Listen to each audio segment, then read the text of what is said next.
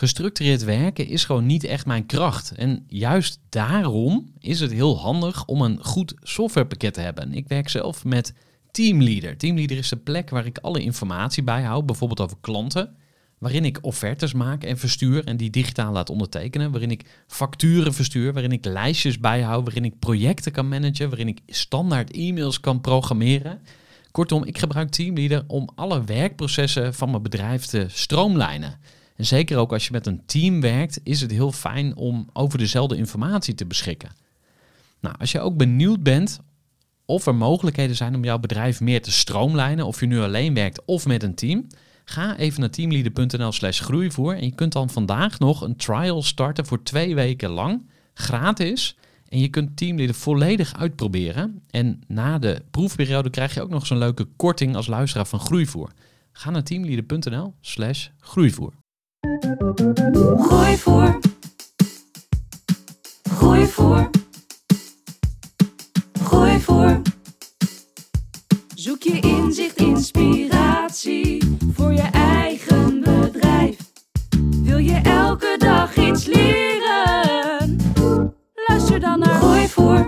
Welkom bij een nieuwe aflevering van de Groeivoer podcast. En we gaan het vandaag hebben over extreme revenue growth. Wie wil dat nou niet? Maar we gaan het niet alleen hebben over het laten groeien van je winst, maar we gaan het eigenlijk ook hebben over het oplossen van je grootste knelpunt. Hoe kun je nou zorgen dat jouw grootste probleem wordt opgelost? En om die doorbraak te kunnen bewerkstelligen, sta ik hier tegenover Chris Oud. Hij is de auteur van het boek Structuring for Extreme Revenue Growth. Nou, dat is een hele mond vol, maar we gaan straks uh, horen ja, wat is het precies en hoe kun je dat toepassen. Maar voor we zover uh, ja, de materie induiken, wil ik jou eerst welkom heten. Chris, fijn dat je er bent. Dankjewel Gerard, leuk om hier te zijn. Voor de kennis en ideeën van een interessante gast. Die zijn verhaal met jou wil en we gaan uh, meteen maar de diepte induiken, want ik zou graag wat meer willen weten over jouw roots. Wil je ons dus uh, meenemen in jouw jeugd? Waar ben je opgegroeid en waar ging je naar school? Nou, ik heb wel een, een interessante jeugd gehad. Als een jeugd anders dan anderen. Want mijn moeder is Frans en mijn vader was dominee. Oh, Dus wat er dan gebeurt is dat je elke vier, vijf jaar verhuist. Wat op zich al een hele interessante dynamiek geeft. Hè? Op het moment zelf is het lastig. Hè? Zeker als je een klein kind bent en je bent vier, je bent acht, veertien. Je moet elke keer weer opnieuw je draai vinden. Maar uiteindelijk, dat is wel iets waar ik heel veel van geleerd heb. En ook zeker als je een Franse moeder hebt.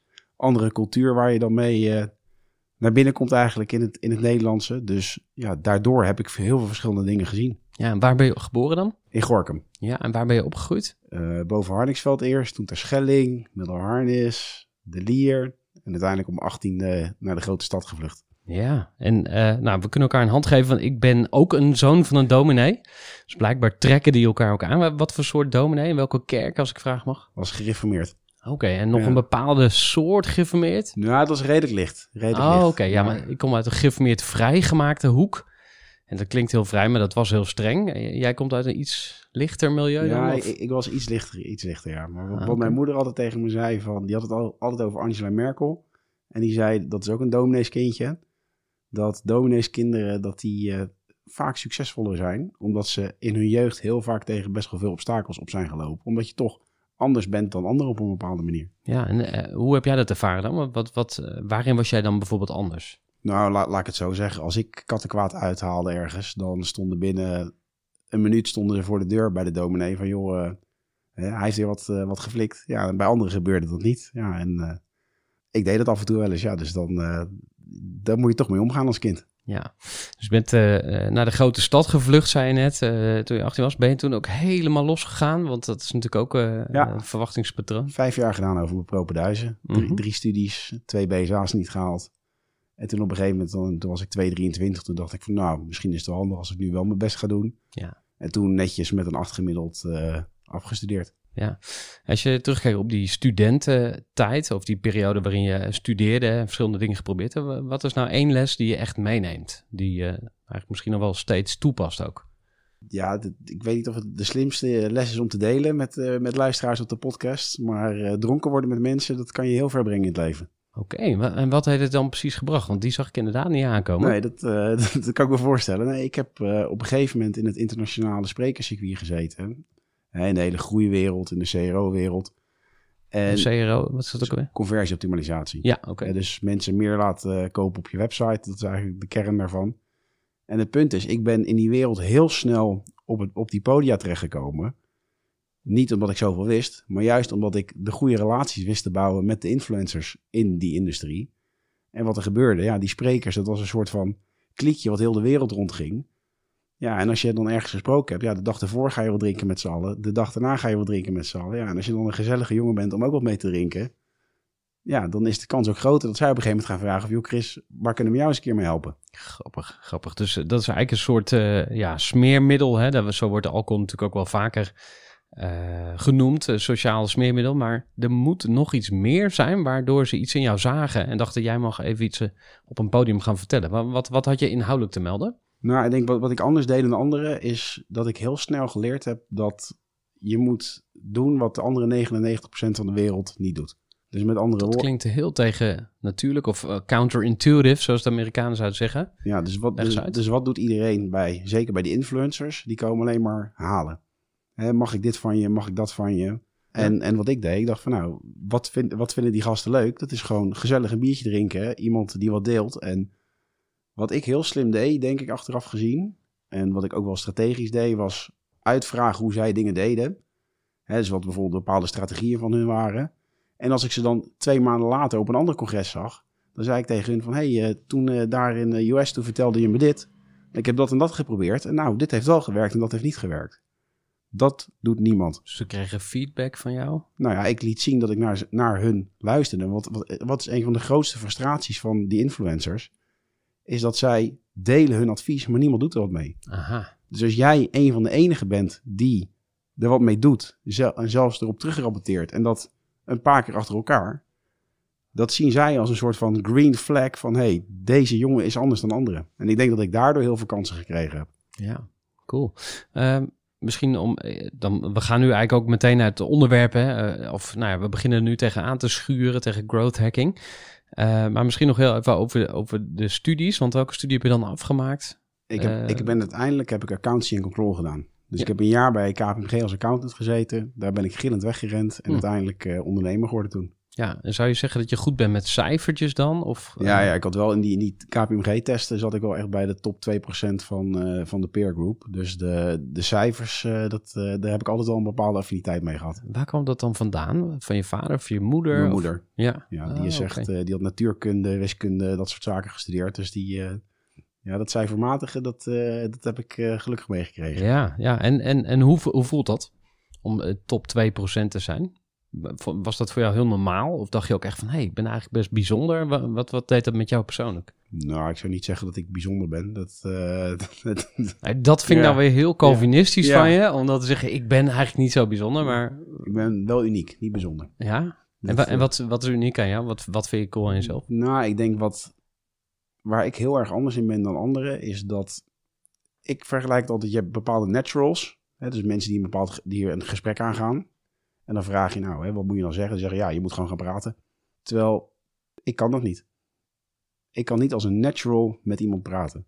Dus ik heb letterlijk cursussen gevolgd. Hoe doe je dat nou? Boeken gelezen. Doe me denken aan Rain Man, dus misschien een beetje stigmatiserend, maar eh, hè, die, ja, eh, het leren van sociale vaardigheden. Ja, ja, ik, ik denk dat hè, vanuit mijn achtergrond hè, krijg je bepaalde sociale vaardigheden wel mee, sommige niet.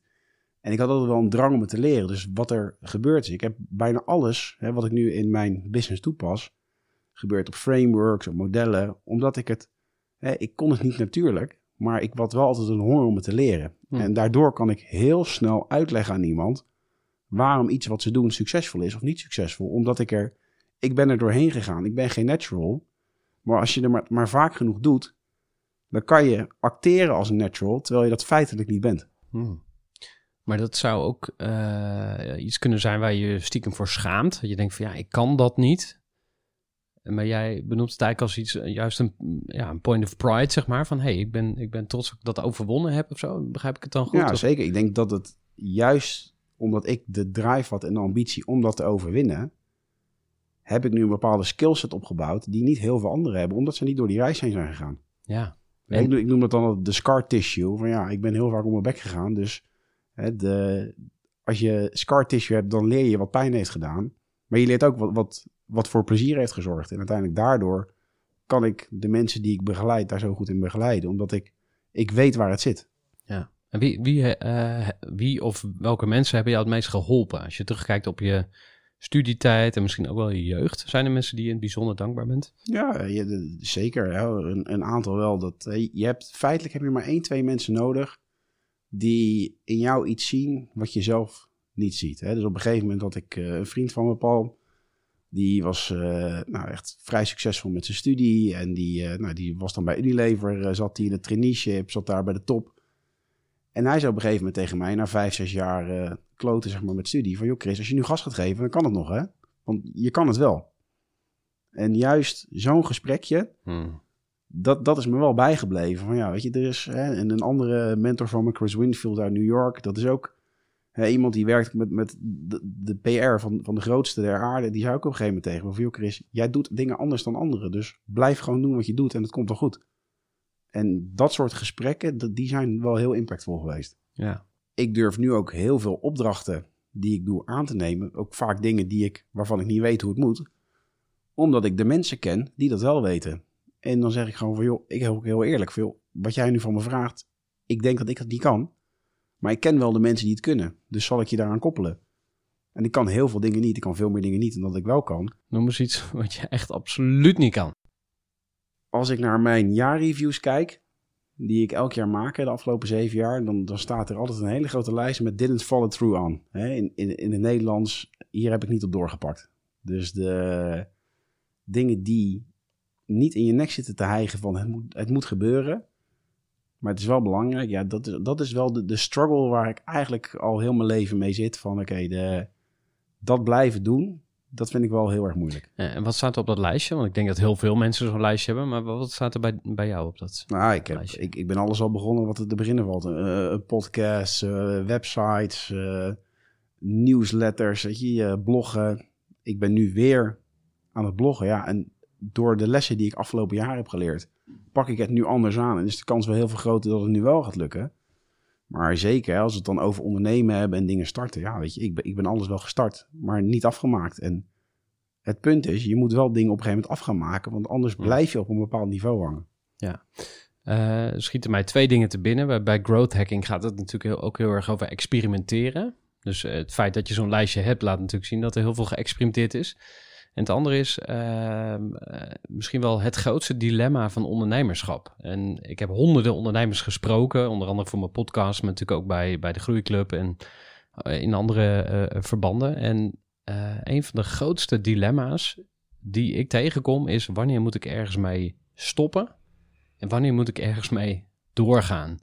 En dat, nou goed, er is nooit een, een goed antwoord. Uh, maar misschien is er wel iets, iets op je lijstje wat, wat jou roept en wat zegt: Kom, pak mij op, ik wil weer door. Hmm. En voor jou is dat dus bloggen dan? Uh, nou, of, of, zijn er andere dingen waarvan je denkt: van ja, als ik gewoon uh, ongelimiteerde resources had, dan zou ik dat oppakken? Nou, wat, ik, ik probeer altijd heel erg te denken: van wat zijn dingen die ik vandaag kan doen, die de rest van mijn leven een dividend op gaan leveren. Hè? Zoals ik in mijn boek schrijf: Work once and get paid forever.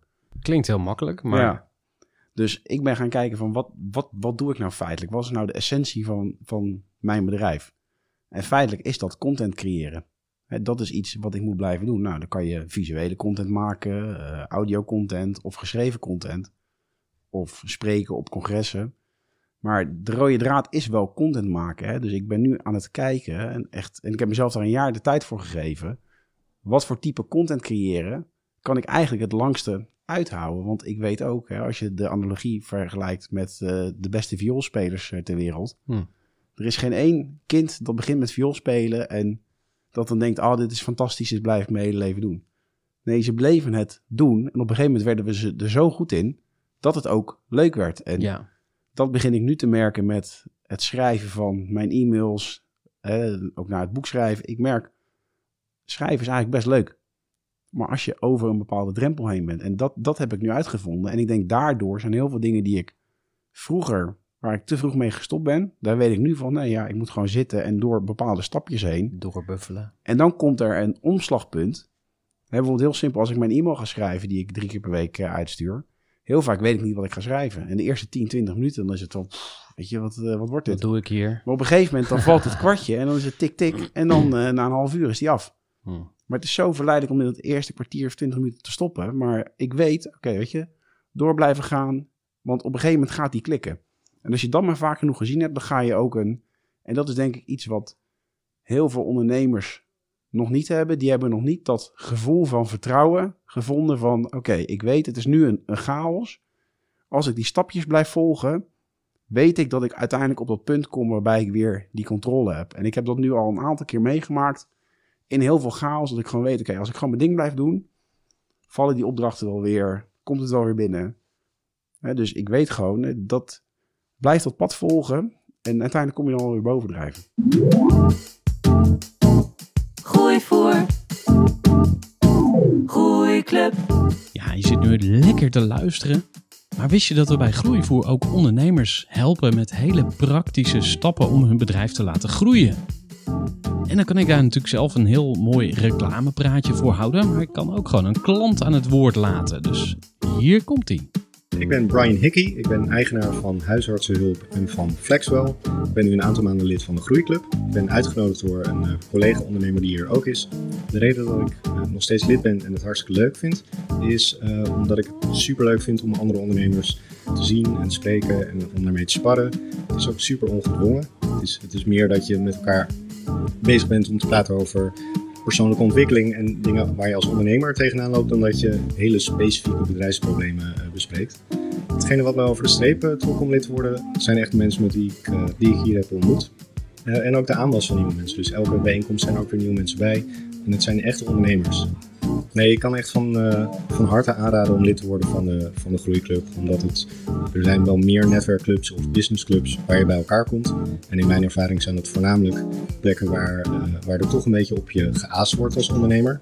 Om, om zaken te doen en waar het minder oprecht voelt om echt connectie te maken met de mensen waar je, waar je mee samen bent. En Gerhard weet echt op een hele leuke manier eh, te zorgen dat het op een hele organische manier gewoon een prettige bijeenkomst is van ondernemers. Zonder dat daar echt van alles van afhangt. En we krijgen hele leuke inhoudelijke trainingen eh, die ik echt meeneem als ik hier eh, bij een bijeenkomst wegga. En ik haal er wat dat betreft zowel voor mijn bedrijf als voor mijn persoonlijke ontwikkeling ontzettend veel uit. En daarnaast heb ik echt hele leuke mensen ontmoet.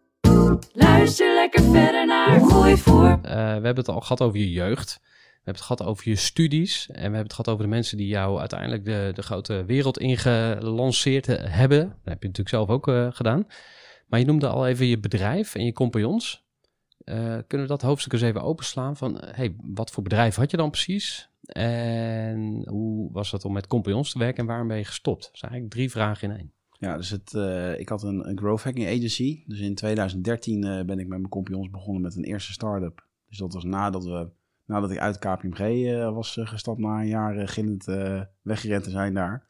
Toen hadden we een eerste start-up, die was na een jaar compleet gefaald. Alles fout gedaan, wat je daar fout kan doen. En zij hadden al een internetbureau. En toen de tijd zag ik de hele growth hacking in Amerika opkomen. En toen dacht ik van nou, als het daar groot wordt, dan zal het ooit in Nederland ook wel groot worden. En de filosofie en de manier van denken en doen, dat paste wel bij mijn persoonlijkheid. Dus dacht ik van nou, ik ga gewoon roepen dat wij het eerste growth hacking agency van Nederland zijn. Nou, en daarmee gestart. En omdat we al die klantenbasis van de digital agency hadden, konden we daar ook projecten verkopen. En konden we eigenlijk veel sneller opschalen dan anderen dat konden doen, die ook, waar deze wereld ook nieuw voor was. En zes, zeven jaar later hadden we ineens een bedrijf eh, met, eh, met 85 man eh, in de groep rondlopen. Zo, dat is wel heel wat anders dan drie gasten die een beetje Ja. iets nieuws uitproberen. 85 man. Wat is daar dan gebeurd? Nou ja, zij, ze, toen, toen ik erbij kwam, wa- hadden zij volgens mij al 15 mannen. Dus ik, ik heb echt die reis meegemaakt van, van 15 naar, naar 85. Ja, en op een gegeven moment, ik had altijd, altijd wel zoiets van 2020 is wel het jaar dat ik eruit ga stappen. Hm. Omdat ik altijd wel voelde van, dat, dan is dit hoofdstuk ook weer rond. Dan heb ik dit zeven jaar gedaan.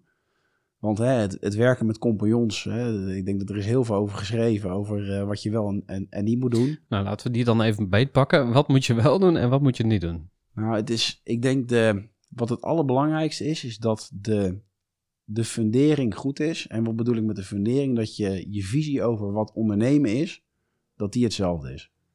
Ja, en mijn visie van ondernemen is dat je als ondernemer iets bouwt wat kan draaien zonder jou. Even een korte onderbreking met een belangrijke vraag aan jou. Want wat heb jij geregeld voor het geval je van de ene op de andere dag zou komen uit te vallen? Wat gebeurt er dan met je bedrijf, maar vooral wat gebeurt er met jou persoonlijk en ook in financieel opzicht? Samen met ASR voerde ik drie openhartige gesprekken over tegenslag en veerkracht. En dat deed ik met Saskia, Vincent en Pieter. Ondernemers met een bloeiend bedrijf die van de ene op de andere dag niet meer konden werken. En die verhalen hoor je in aflevering 256, 257 en 258 van deze podcast. Als ondernemer wil je natuurlijk niet uitvallen. En daarom is het belangrijk dat je veerkrachtig bent, want voorkomen is beter dan genezen. En als het dan toch misgaat, is het fijn dat je iets geregeld hebt, zodat je weer snel door kunt met ondernemen. Wil je weten hoe veerkrachtig jij nu bent? Vul dan in twee minuten de veerkrachttest van ASR in. Ga naar asr.nl slash veerkrachttest ondernemers.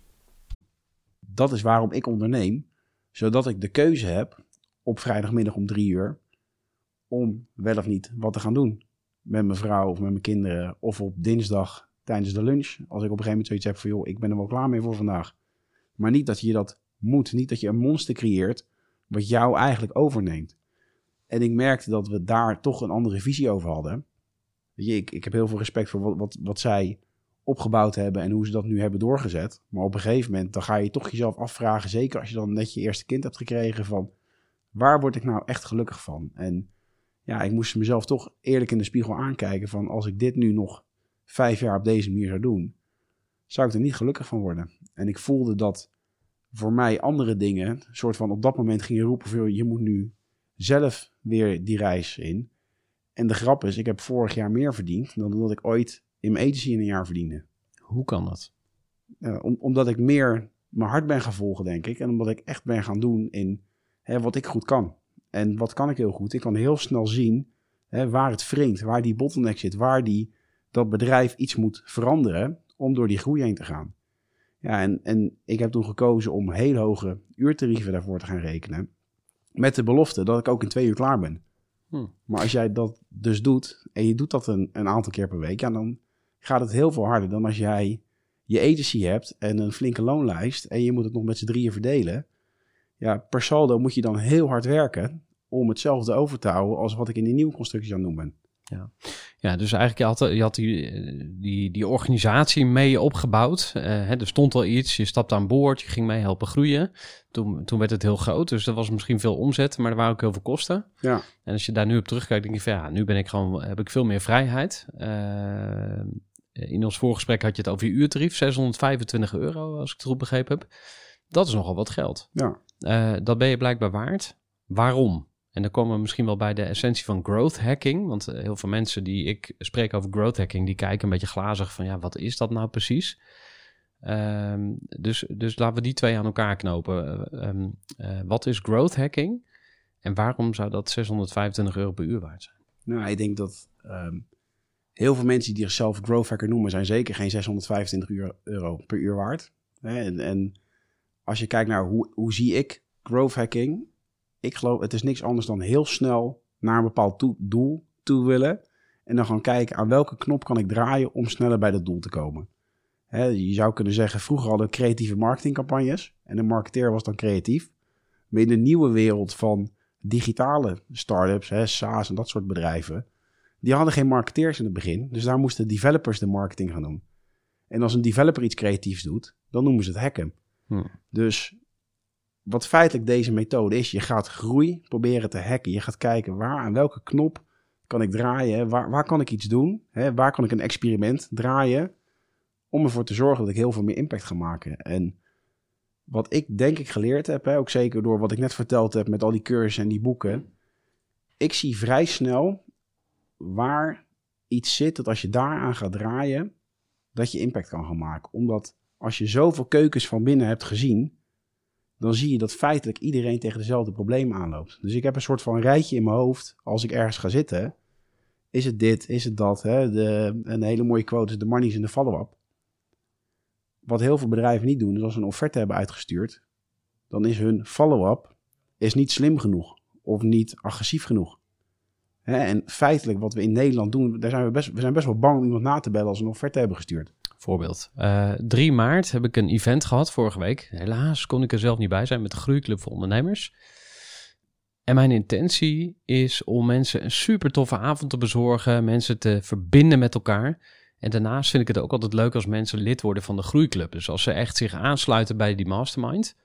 Maar het is best wel lastig, of tenminste, het vergt heel veel discipline om dan de week daarna ook echt de aftersales te doen. Dus om mensen echt te bellen, te vragen hoe het was. Eh, ook echt een aanbod neer te leggen. En te zeggen van ja, je moet voor vrijdag 12 uur beslissen, want anders eh, verloopt hij.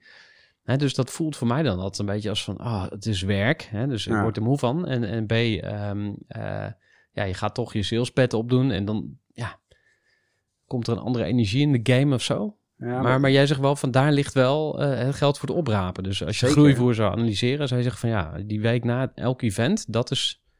Moet ik het zo een beetje zien? Ga Ja, je- ik, het, het, het eerste wat bij me te binnen schiet, hè, is hè, de mensen die kopen met hun emotie. Dus als ze emo- emotioneel gezien op een high zitten, dan kopen ze en daarna gaan ze het rationaliseren. Ja. Maar wat gebeurt er? Ze gaan naar het event van jou. Hè? Ben ik even vrij aan het uh, hard Kom maar, we gaan uh, ze, ze, analyseren. ze, ze gaan dan naar dat event. En twee dagen later zitten ze weer in de sleur. Hebben ze een slechte, slechte nacht gehad. Want de kleine is dat weer uh, te janken. Ja.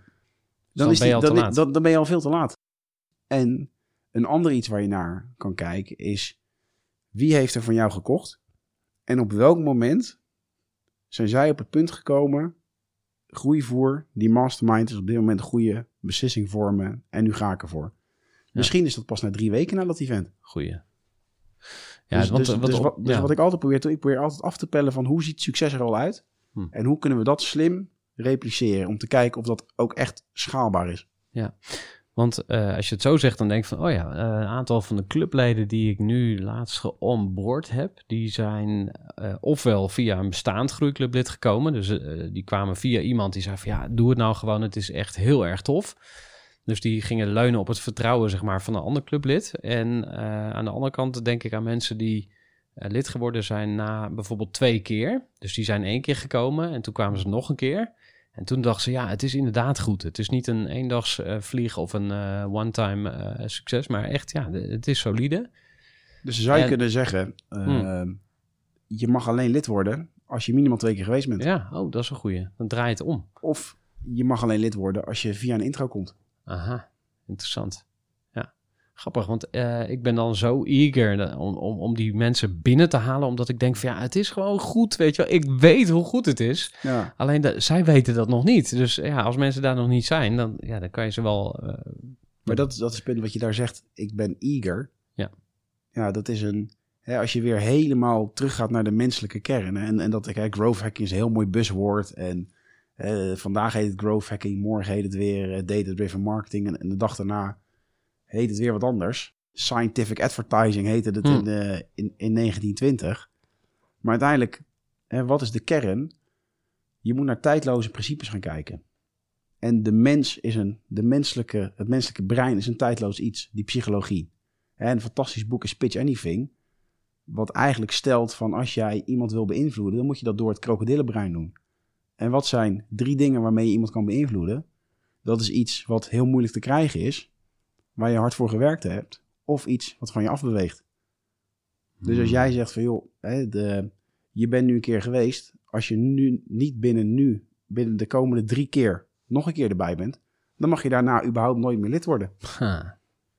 Ik zeg niet dat je dat moet doen, Ja. maar, maar dat, dat soort dingen, die, die, zetten je, hè, die zetten je op een bepaald punt neer. Hè? Ik weet bijvoorbeeld, als ik een salesgesprek heb met iemand en ze gaan zeuren over prijs, doe ik het niet. Want ik weet gewoon, dan ben je niet vanuit waarde aan het denken. Hmm. Hè, de, dus bijvoorbeeld gisteren hè, was ik weer een, een oude klant van me die belde. En die zei van, nou Chris, ik heb, eh, ik heb dit en dit nodig. Eh, nou, je, je stuurt gewoon je factuur en ik zie het wel voorbij komen. Hè? Ja, dan gaat het allemaal heel snel. Dus ik weet voor mijn typologie van klanten, dat zijn gewoon mensen die, hè, wat, wat iemand met wie ik veel samenwerk eh, heel mooi eh, stelde. Die zei van, if you have to drag them through it, you have to drag- them through it. Hmm. Dat is heel vermoeiend ook. Ja, dat is heel vermoeiend. En daar heb ik geen zin in. Ja, want je zei, we hadden het even over je uurtarief, hè, die 625 euro. Maar in het voorgesprek zei je ook van ja, eh, stel ik werk voor een miljardair. En misschien werk je wel voor miljardairs. Eh, die denken heel anders. Zoiets van, eh, 625 euro. Nee, dat is niet veel geld. Eh, plus als het maar twee uur is, eh, dan reken ik 1250 euro af. En dan verdien ik misschien wel, ik veel, een ton, twee ton, Nou, twee ik, ik miljoen. heb let- letterlijk de, de case die achter in mijn, mijn boek staat, die miljardair. Daar heb ik vijf sessies mee gedaan. En die hadden toen een mastermind van 100k staan. Interessant. Ja, dus zo, zo hard kan het gaan. En ehm, en misschien kunnen we nog wat, eh, wat kleiner maken. Want, eh, of nou, dat gaan we straks doen. Want ik wil nog even doorpakken op die eh, beïnvloedingsprincipes. Omdat het voor mij, en ik denk ook voor andere mensen, heel snel voelt als cheaten, hacken. Ja, dat klinkt ook alweer als hè, trucjes, snel. Daar staat ook een andere eh, manier tegenover van ja, eh, iets moet gezond groeien. Dus je moet iets langzaam, hè? je moet rijst niet uit de grond gaan trekken, maar je moet die rijstkorrel in de grond stoppen. En gewoon ook ru- rustig wachten en geduld hebben. Aan de andere kant, of nou misschien wil je eens op die kritiek reageren, want die krijg je vast wel vaker, direct of indirect. Ja, kijk, het, het woord hacken heeft een hele slechte associatie. En daarom heet het boek ook geen growth hacking, maar een structuur voor extreme omzetgroei. En dan zelfs als mensen het over het woord extreem horen, dan, dan, dan beginnen ook al sommige mensen te kijken. Ja, zeker in "Oeh, Nederland, denk ik. Of, Zeker, zeker in Nederland, ja. Maar ik weet, dat zijn nog niet mijn klanten. Nee, want hè, de klanten die ik heb, dat zijn gewoon bedrijven die willen gewoon in drie jaar minimaal keer tien gaan. Nee, of in ieder geval de ambitie hebben dat ze heel snel naar een bepaald punt toe kunnen komen. Ja. En dat kan, maar mijn filosofie is wel heel sterk dat bedrijfsgroei is een gevolg van persoonlijke groei. Dus het eerste wat ik tegen ze zeg is, hè, hè, wat, wat we feitelijk gaan doen, ik ga jou helpen de persoon te worden die die groei kan managen. Hm. Want dat is waar het vaak fout gaat. Hm. Doe Dus- me denken aan Jim Rohn, een van de teachers van, eh, van Tony Robbins. Die zegt ook, ehm, if you want to be more, you have to become more of zo. Dat zit een beetje in die richting. Ja, kijk, Bedoel je dat? Of? Ja, bijvoorbeeld hè, als je dus kijkt naar het uurtarief dat ik nu vraag. De eerste keer dat ik dat vroeg, stond ik dan met knikkende knietjes stond ik dat te doen. Omdat ik het niet, ik, ik snapte het nog voelde niet. het nog niet? Of? Hm. Terwijl, nu heb ik het zo vaak gedaan. Ja, ik weet nu wat het kan opleveren voor mensen. Hm. Dus ik ben ook niet meer bang om het te vragen. Hè. Het is net als dat jij, eh, ik weet niet of je ben je skier of een snowboarder of surfen. Het zijn allemaal vaardigheden. Als je al heb je tien jaar niet gedaan, je gaat weer op het bord staan en jouw lichaam, je snapt gewoon hoe het werkt. Ja, muscle memory. En ik geloof dat die muscle memory zit ook in, in ondernemen. En wat het feitelijk is, hè, je bedrijf groeien, jezelf groeien, is je bent op een strate- dat, dat is hoe ik er naar kijk, op een strategische manier die muscle memory aan het opbouwen, zodat je steeds meer aan kan. Hè, bijvoorbeeld wat ik nu doe, is in steeds kortere tijd een e-mail eruit kunnen knallen. Hè, en van het weekend zal ik een cursus Canva te doen. Hè, want mijn gevoel voor design is op dit moment nog vrij laag. Maar ik weet, dat gaat me nu tegenhouden. Hm. Terwijl ik weet ook, als ik honderd van die posts heb gemaakt, dan snap ik hoe het werkt. En dan kan ik er gevoel voor ontwikkelen. Dus ik ben feitelijk mijn muscle memory op aan het bouwen op een strategische manier, waardoor het op een gegeven moment makkelijk wordt. Dat het gewoon op je bord staan is, dat je gewoon naar beneden kan.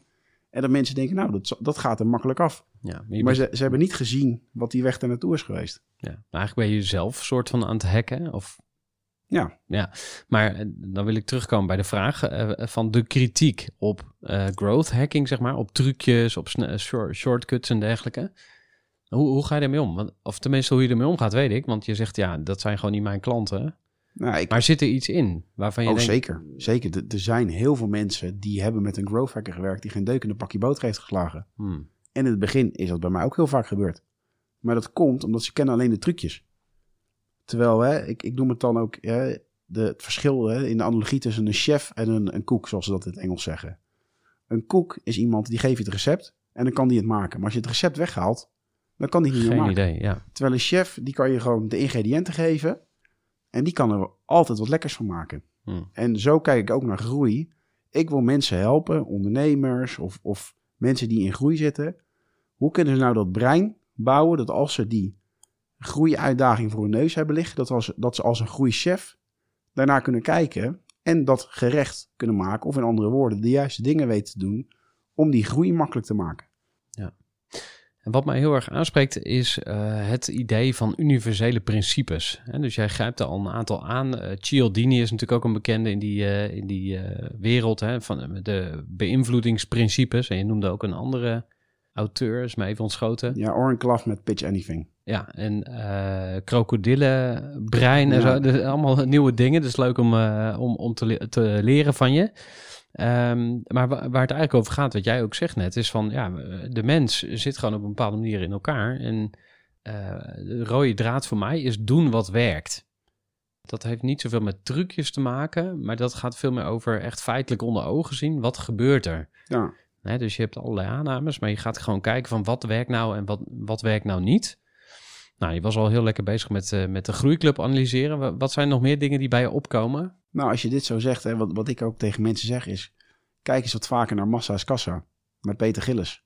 Wat die man heeft gedaan, die, die heeft de essentie van ondernemen, snapt hij. Dat is namelijk iets kopen voor een euro. En als je dat voor een euro en één cent verkoopt... en je doet dat gewoon heel vaak... dan op een gegeven moment heb je een lekkere business eh, staan. Dus wat hij heel mooi zegt, met één frikandel verdien je niks. Maar als je de 400.000 verkoopt... ja, dan gaat het op een gegeven moment wel, er lekker, wel ja. lekker lopen. Ja. Alleen wat heel veel ondernemers doen... die hebben dan een bepaald mechanisme... dat ze vinden wat werkt. Eh, ik zit nu bijvoorbeeld in een context... Hè, samen met, eh, met Marieke Pijler werk ik veel samen van Brand Density... en met haar ben ik nu een, een masterclass aan het organiseren... waarbij je eigenlijk growth hacking en positionering samen laat komen. Nou, we- het is nu een week live die masterclass... dat we dat gaan doen en we zijn al bijna uitverkocht. Dat is dus iets... Nou, blijkbaar werkt dat dus. Hm. En wat zouden heel veel ondernemers doen? Die zouden denken, oh leuk, doe ik het één keer, doe ik het misschien twee keer... en daarna ga ik weer door naar het volgende. Hm.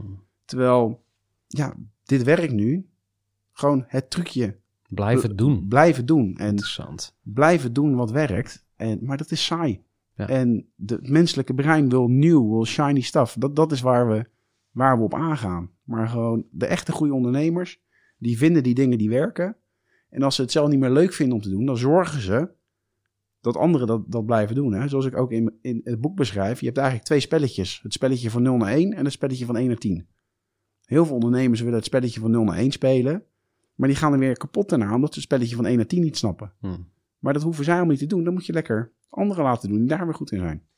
En jij bent als ondernemer niks meer of minder dan iemand die een mechanisme verschaft waarmee ze dat kunnen doen. Ja. En wat heel veel ondernemers verkeerd doen, is dat ze worden verliefd op hun mechanisme. Maar daar gaat het helemaal niet om. Hm. Het, de truc is, die klant die kan het probleem op 100 manieren oplossen, met 100 mechanismes. Dus word verliefd op die klant. En dat, dat, dat, dit, dit is niet wat ik zelf bedacht heb, maar dit Fall is in gewoon... love eh, with the problem, not the solution. ja, Dit, dit is gewoon eh, van, eh, van Start from Zero van, van Ja. Dave Maxwell. Zorg dat je heel goed begrijpt hoe jij pijn vindt bij mensen. En zorg er dan voor dat experts dat lekker op gaan lossen voor ze. En ga ertussen zitten en vang er een commissie over.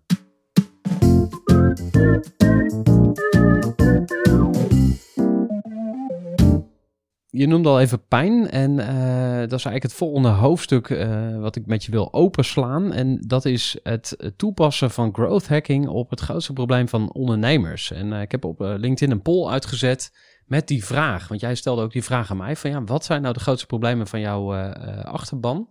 En met, met kop en schouders kwam daaruit het vinden van de juiste mensen. Dus kun je mij eens helpen? Kun je ons eens helpen als, als luisteraar?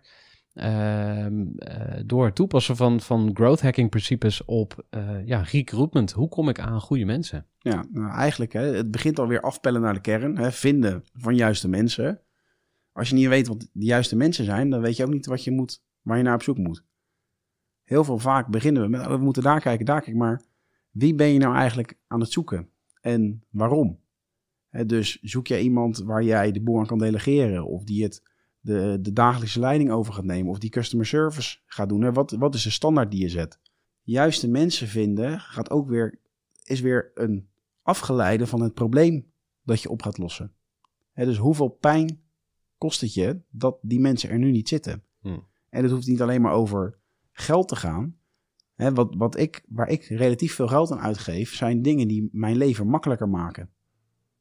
Dus ik, ik ben bereid een premium te betalen voor comfort, omdat ik dat waardeer. Geen gezeik aan mijn, aan mijn kop, hè, het heel, simpel. Da- daar hou ik van.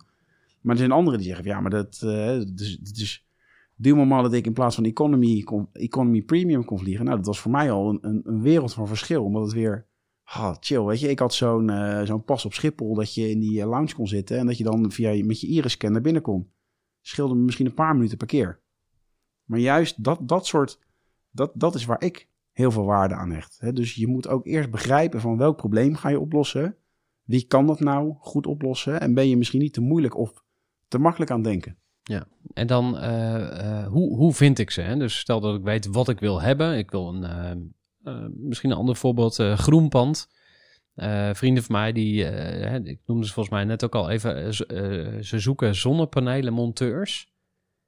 Eh, ze zijn niet aan te slepen. Hoe, hoe gaan we dit oplossen? Nou, dat, dat is, de, de grap is dus, want ik heb wel eens met een partij gewerkt die exact dit probleem had. Oké, kijk, Dus dat... eh ik, goede caseload. de, Help ons. De oplossing is vrij simpel. Vertel. Als die mensen er niet zijn, dan moet je je dus afvragen, hoe kan je ze zo snel mogelijk bouwen? Dus met andere woorden, waar ik altijd, wat ik zelf heel veel heb gedaan, is mensen aannemen die relatief junior waren, waarbij ik ze cursussen of boeken gaf, waardoor ze vrij snel op het goede niveau konden zitten. Dus als we het over zonnepanelenmonteurs hebben, is welke beroepsgroep zit daar vrij dichtbij, dat je die mensen een cursus van 1, 2 dagen kan geven, dat ze feitelijk die zonnepanelen kunnen leggen. Hm. En als je ervoor zorgt dat de financiële deal voor die mensen zo interessant is dat ze die overstap kan maken, kunnen maken, dan heb je goud in handen. Want hè, mensen die zijn eigenlijk te kortzichtig. Hè? Ze denken, oh, die mensen zijn er niet, dus het is lastig. Ja, Terwijl die mensen zijn er wel, alleen je, moet, je moet er een extra ingrediënt bij, bij voegen. Ja. En dat is weer als, als die chef denken. En misschien eh, kunnen we nog een laagje dieper de materie in dan. Want eh, we hebben ook, eh wat als je zo zegt van... oké, ik geef je gewoon 500 euro extra... dan denk ik meteen van ja, ehm, dit is sowieso een haalbare kaart voor grotere bedrijven. En eh, toevallig luisterde ik van de week een podcast... dat ging over boeking... En eh, er was een interview met een van die auteurs die dat boek geschreven heeft over Booking, de Mhm. machine. En die vertelde, van, ja, Booking heeft gewoon zo gruwelijk veel geld. Die pakken gewoon de aller, allerbeste mensen uit de markt. Die betalen mensen gewoon zoveel. Nou ja, ik, zou, ik noem het eh, dan even de gewone sterveling-ondernemer. En. Vern Harnish van Scaling Up, die noemt dat de, de mere mortals. Hè? Dus hoe kan de gewone sterveling-ondernemer daar tegenop? Want ik snap wel, het is Dat- heel makkelijk dat- om te dat- zeggen van... ja, je moet groter denken en kijk even voorbij die... die Nou ja, kijk, als je het, de context waar ik in zat, eh, zat en met, met mijn groeiagency. Ik wilde de mensen binnenhalen uit de studiebanken die de keuze hadden: McKinsey, Google of mijn bedrijf. Nou ja, er zijn de, welke mensen kiezen er voor McKinsey of Google? Dat zijn de mensen die prestige, high achievers... die dat, dat mooi vinden. Terwijl ik kon ze één ding beloven, wat McKinsey of Google ze niet kon beloven, is dat ik ze sneller met hun voeten zeg maar, in de modder kon krijgen en ze een uitdagender learning journey zou geven. Maar als ze dus heel veel Excel wilden leren, dan moesten ze lekker naar McKinsey toe gaan. Maar ik kon ze veel meer leren in een korte tijd van, aan vaardigheden waar ze de rest van hun carrière aan hadden. Dus ik probeerde altijd uit te vragen van, hè, wil je ooit ondernemer worden? Ja, ja, misschien over vijf jaar. Oké, nou prima. Dan ga, ik, ga jij voor mij werken. Ga ik jou een crashcourse geven van hoe je dat doet. En de grap is nu, voormalige teamleden van mij, die betalen mij nu om hun te coachen in hun bedrijf. Hmm. Dus zo is die cirkel ook weer rond. Dus je moet ook veel meer vooruitkijken. Ik wist op bepaalde functies kost het zes maanden om die ingevuld te krijgen. En als mensen zeggen we kunnen geen goede mensen vinden, dan zeggen ze feitelijk zes maanden geleden waren we nog niet voldoende vooruit aan het denken dat we over zes maanden waarschijnlijk op een bepaald punt zouden staan dat we die mensen nodig hadden. En als je het dan over rijst hebt wat moet rijpen, ja, dit heeft ook een incubatieperiode. Dus je moet op de juiste tijdstip ook gaan beginnen met, met zaaien. Ik sloot partnerships af met, met studieverenigingen. Jaren geleden, hè, toen zij nog in de studententijd zaten. Die mensen zijn nu allemaal marketingmanager bij grote corporates. En nu huren ze me in. Hm. Maar dat is ook omdat ik op een hele andere horizon zat te kijken. Interessant. Ja, want het klinkt allemaal een stuk strategischer dan je zou verwachten. Hè? Met growth hacking, eh, nou, eh, we weten nu dat het niet veel meer is dan alleen een trucendoos. Hè? Het is eigenlijk eh, gebaseerd op, op tijdloze principes. En als ik je goed beluister, dan eh, denk je ook veel meer vooruit en strategisch. En je denkt heel erg vanuit je klant. Eh, dus als we toepassen op recruitment, eh, dan denk je heel erg vanuit de kandidaat en vanuit wat, wat is er nodig in, een, in het bedrijf, in de organisatie. Ehm, misschien, misschien is een Ja, ga je voorbeeld van die, hoe wij die mensen binnenkregen. Want je moet er wel voor zorgen dat je die mensen op een gegeven moment op gesprek kreeg. Ja. Nou, wij wisten dat op de Rotterdamse Universiteit dat er een database was waar studenten hun cv hadden geüpload. Voor stages of eh, weet ik wat. Dat was een van die studenten die bij me werkte, die wist dat. Dus wat deden we? We gingen door die cv's heen. Als we eh, zagen dat iemand een goed cv had, wat wij, wat triggerend was voor ons, dan stuurden we ze een bericht van, joh, hey, gefeliciteerd, je zit bij de top 5% van de studenten die we, die we geselecteerd hebben. Wil je een keer een kopje koffie doen? ego gestreeld, kopje koffie komt altijd. Ja. En daar, daar, daar heb ik mensen uit binnengehaald, die hebben zes, zeven jaar voor me gewerkt. Hm. Maar die hadden nooit zelf gedacht, we gaan voor Chris werken. Iemand anders zei het ook wel eens, je, je moet eigenlijk de, en dat is ook wel iets wat ik heilig geloof, je moet de relatie bouwen voordat je hem nodig hebt. En dat is nu, nu dat ik tien jaar verder ben, zeg maar, in mijn hele ondernemersavontuur. Ik pluk nu zoveel vruchten van relaties die ik 10, 9, 8 jaar geleden, toen ik echt een nobody was en eigenlijk niks kon brengen. Maar die ik, waar ik toen die zaadjes heb geplant, die beginnen nu te, echt te floreren. En, en dat is de. En daardoor lijkt het nu makkelijk te gaan. Nou, leuk, weet je, dat je dat uurtarief kan vragen. Hm. Maar dat komt. Mijn eerste consultancyopdracht was 100 uur consulting voor 1000 euro. ja. Dus 10 euro per uur. Daar ben ik begonnen. De zaadjes die je plant, hè, die gaan op een gegeven moment floreren. Maar te veel mensen die willen gelijk halen. En wat hè, de, de challenge die veel klanten mij, mij toewerpen is van nou, ik moet meer klanten binnenhalen. Dan geef ik altijd, de, ik vind het een fantastische metafoor. En die gaat als volgt. Je kan vlinders op twee manieren vangen.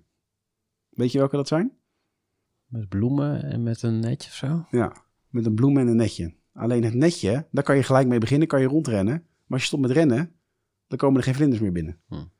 Maar bloemenplanten, dat heeft tijd nodig, incubatie. Dat, dat, maar als jij die, die tuin eenmaal hebt, dan weet je niet meer waar je het zoeken moet. Dus de truc is om hoe je met je netje rondrent en hoe je je bloementuin aan het bouwen bent, dat je dat in de juiste balans doet. Er is een plant en die heet de vlinderstruik. Hoe cool is het als je een bedrijf hebt waar zoveel klanten op afkomen? Want, en, en die stond ook in, in de top drie, hè? Want ik zei al, ik heb een poll gedaan op LinkedIn. En eh, ja, wat is jullie grootste uitdaging? Nou, op nummer één stond eh, de juiste mensen vinden. Die stond echt heel hoog, eh, hè? dus eh, zo'n 80-20 eh, Mhm. verdeling. Eh, die stond echt torenhoog. En daaronder kwam eh, klanten.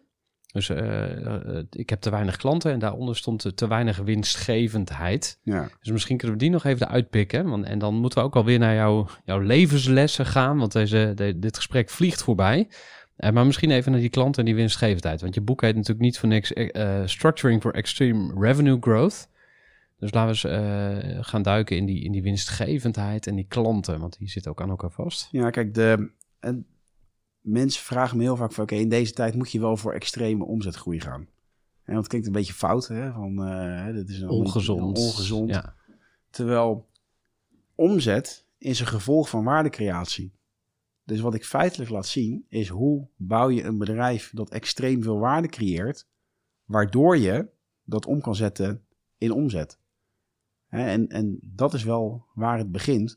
En de tweede is, als je dus extreem veel waarde hebt gecreëerd en er komt veel omzet uit, dan is de kans ook heel groot dat daar uiteindelijk ook winst uitkomt als je maar die tijdloze principes blijft volgen. En als ondernemers nu een moeite hebben om hun bedrijf winstgevend te maken, ik heb dat ook op een gegeven moment gehad, waar we alleen maar omzet, omzet, omzet, maar uiteindelijk er bleef niks over. Met die agency met die compagnons bedoel Ja, ik, Of, eh, en, ja. en, en een, een boek dat mij heel erg geholpen heeft, dat is Profit First. Wat eigenlijk stelt van nee, je, je, je stuurt eerst jezelf de winst.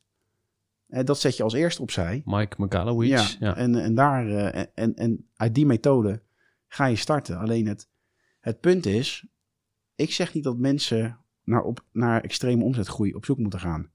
Wat ik zeg is dat het heel belangrijk is dat je weet wat je wil en dat je dat slim gaat organiseren. En voor sommigen is dat een bedrijf dat elke drie jaar keer tien gaat. En voor sommigen is dat een bedrijf, hè, ook een, een voorbeeld in mijn boek, die verdienen een miljoen per jaar aan omzet, een, een paar ton winst. En die werken twee dagen per week en die doen wat ze leuk vinden. En ik heb meer respect voor hun dan van die mensen die zeggen: Ja, ik wil alleen maar grootser en moeilijk, maar die niet de dingen doen die daarvoor nodig zijn, die hun ego laten, laten spreken, in plaats van dat ze Hmm. echt werken en leven vanuit wat ze diep van binnen eigenlijk willen. Dus het gaat jou eigenlijk niet alleen maar om winst en meer, meer, meer. Nee, ja, de, de, de truc is, je moet eerst weten wat je wil. Hm. En ondernemen is een spel.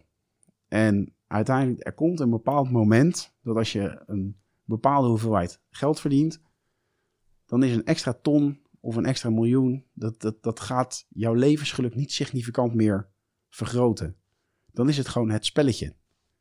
En dat is, het, dat is wat ik het leukst vind aan ondernemen, is het elk jaar weer een nieuw spelletje leren. En doordat je dat spelletje, dat, dus dat ik de spelletjes die ik leer wel slim oplijn, wordt het leven ook elk jaar weer makkelijker. Hmm. En dat is wat ik het leukst vind. Tof. Over eh, vroeg eh, zaaien eh, gesproken. Ik ben bezig met het opstarten van de Groeiclub Junior. Dat is een businessclub voor ondernemers tot 18 jaar. En ik heb al 10 aanmeldingen. Het zijn allemaal kids die nu al een business hebben, al dan niet met support van hun ouders. En bij deze ook een oproepje. heb je een zoon of een dochter of een neefje of een nichtje of een kleinkind eh, die een business heeft of een business wil gaan starten? Laat even van je horen via info.groeivoer.nl. Eh, bij deze ook de reminder eh, dankzij jou, Chris. En nog even terug naar het boek. Want als er nou zeg maar één micro-stap is of één quick win die je alle ondernemers van Nederland en daarbuiten gunt vanuit jouw boek, wat, wat zou dat dan zijn? Waar, wat moeten mensen echt gaan doen of laten? Dat is een uitdagende vraag, omdat ik weet dat er heel veel... Hè, toen ik dit boek schreef, toen, toen dacht ik van...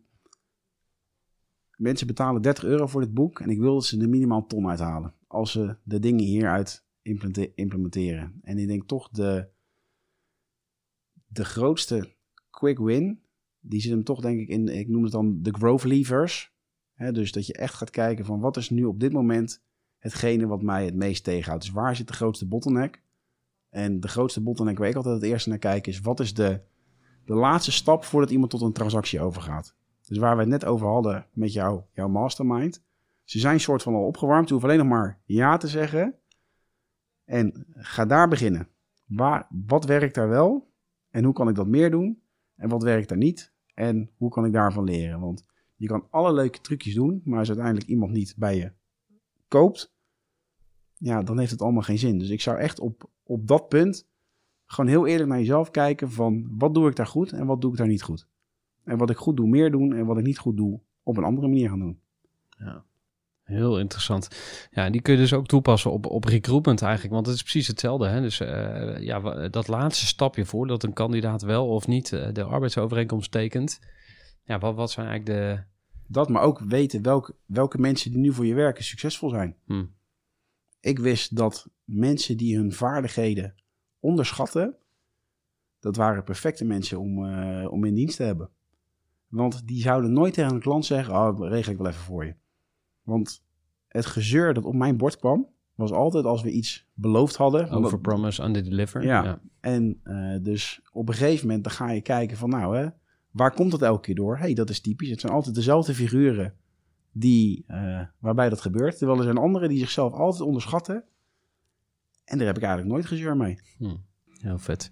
Ik heb weer veel van je geleerd, eh, Chris. En eh, er komt nog meer aan. Want op 7 april kom je samen met Marika Pijler een masterclass geven. En er zijn nog plekken, maar die kans die is nog zeer beperkt aanwezig. Ik ga even proberen alle echt zo zijn, krokodillen, Oké, alle krokodillenbrein trucs toe te passen. Nee, ga ik niet doen, maar ehm, er wordt een hele toffe eh, middag. En eh, daar gaan we het ook hebben over, ja, hoe eh, fix ik mijn nummer één probleem, wat het ook is op basis van universele principes, niet allerlei ja, flauwe trucjes. Dus ja, hoe word je een chef in plaats van een koek? Vind ik heel mooi, ga ik meenemen. Ik wil afsluiten met ehm, eh, de laatste vraag. Wat is nou op basis van alles wat jij tot nu toe in je eh, leven meegemaakt, de beste les die je zou mee willen geven aan de luisteraars? Ik denk toch dat die een heel stuk spiritueler is dan, eh, dan wat mensen denken als het eh, over een, een growth hacker hebben. Maar ik denk toch dat als jij een bepaalde kans voor je neus hebt liggen en je voelt dat je het moet doen, ondanks dat je het eng vindt, toch die stap maken. Dat is uiteindelijk dat, dat zijn de momenten dat als je op je sterfbed ligt en terugkijkt van nou dat, die hebben echt het verschil gemaakt. Ik zou eigenlijk aan mensen meer mee willen geven, durf meer daarop te vertrouwen. Je gaat misschien af en toe onderweg op je bek. Maar ook daarin zitten weer de verborgen goudmijntjes, de lessen, die je weer verder kunnen brengen naar die volgende stap. Dus ik zou echt iedereen oproepen, ga, ga dat meer doen. Chris Oud, dankjewel. Graag gedaan, dankjewel Gerard. Ja, tot zover deze aflevering van de Groeivoer podcast. Ik hoop dat je er weer veel inspiratie uit gehaald hebt. En ik wil je heel erg bedanken voor het luisteren. Ik ben ook op zoek naar manieren om deze podcast te laten groeien. En daar kan ik jouw hulp goed bij gebruiken. Een van de manieren waarop je mij zou kunnen helpen is door deze podcast door te sturen naar iemand in jouw netwerk. Wat ook heel fijn zou zijn, is een review op iTunes. Dus als jij een review op iTunes achterlaat, dan komt de Groeivoer podcast hoger in de ranking. Ja, tot slot nog een paar manieren om te verbinden met elkaar. Want daar gaat het in ieder geval in mijn leven heel vaak om, om verbindingen maken. Om te beginnen op LinkedIn. Dus als wij nog niet met elkaar verbonden zijn, voeg me dan ook even toe op LinkedIn. Mijn naam is Gerhard te Velde. Als je ondernemer bent met een team, met personeel, dan nodig ik je ook van harte uit om een keer langs te komen bij de Groeiclub voor Ondernemers. De Groeiclub voor Ondernemers is een soort intervisiegroep, een mastermindgroep, een denktank, hoe je het ook wil noemen, die elke maand bij elkaar komt. En daar kun jij als gast bij zijn. Dus als je ondernemer met een team bent en groeiambitie en je denkt, hey, ik wil wel eens kijken of die groeiclub wat voor mij is, kom dan gerust een keer langs. Stuur mij even een berichtje als je interesse hebt. Ja, tot slot kun je sowieso altijd inschrijven voor de gratis online community groei.club. Surf even naar groei.club en je vindt daar allerlei handige tools waarmee je aan je eigen groei kan werken, maar ook aan het laten groeien van je bedrijf of je teamleden. Nou, dan zijn we nu echt aan het einde gekomen van deze aflevering. Graag tot een volgende aflevering. Doei doei. Gooi voor. Gestructureerd werken is gewoon niet echt mijn kracht. En juist daarom is het heel handig om een goed softwarepakket te hebben. Ik werk zelf met Teamleader. Teamleader is de plek waar ik alle informatie bijhoud, bijvoorbeeld over klanten. Waarin ik offertes maak en verstuur en die digitaal laat ondertekenen. Waarin ik facturen verstuur, waarin ik lijstjes bijhoud, waarin ik projecten kan managen, waarin ik standaard e-mails kan programmeren. Kortom, ik gebruik Teamleader om alle werkprocessen van mijn bedrijf te stroomlijnen. En zeker ook als je met een team werkt, is het heel fijn om over dezelfde informatie te beschikken. Nou, als je ook benieuwd bent of er mogelijkheden zijn om jouw bedrijf meer te stroomlijnen, of je nu alleen werkt of met een team, ga even naar teamleader.nl slash groeivoer en je kunt dan vandaag nog een trial starten voor twee weken lang, gratis. En je kunt Teamleader volledig uitproberen. En na de proefperiode krijg je ook nog zo'n leuke korting als luisteraar van Groeivoer. Ga naar teamleader.nl slash groeivoer.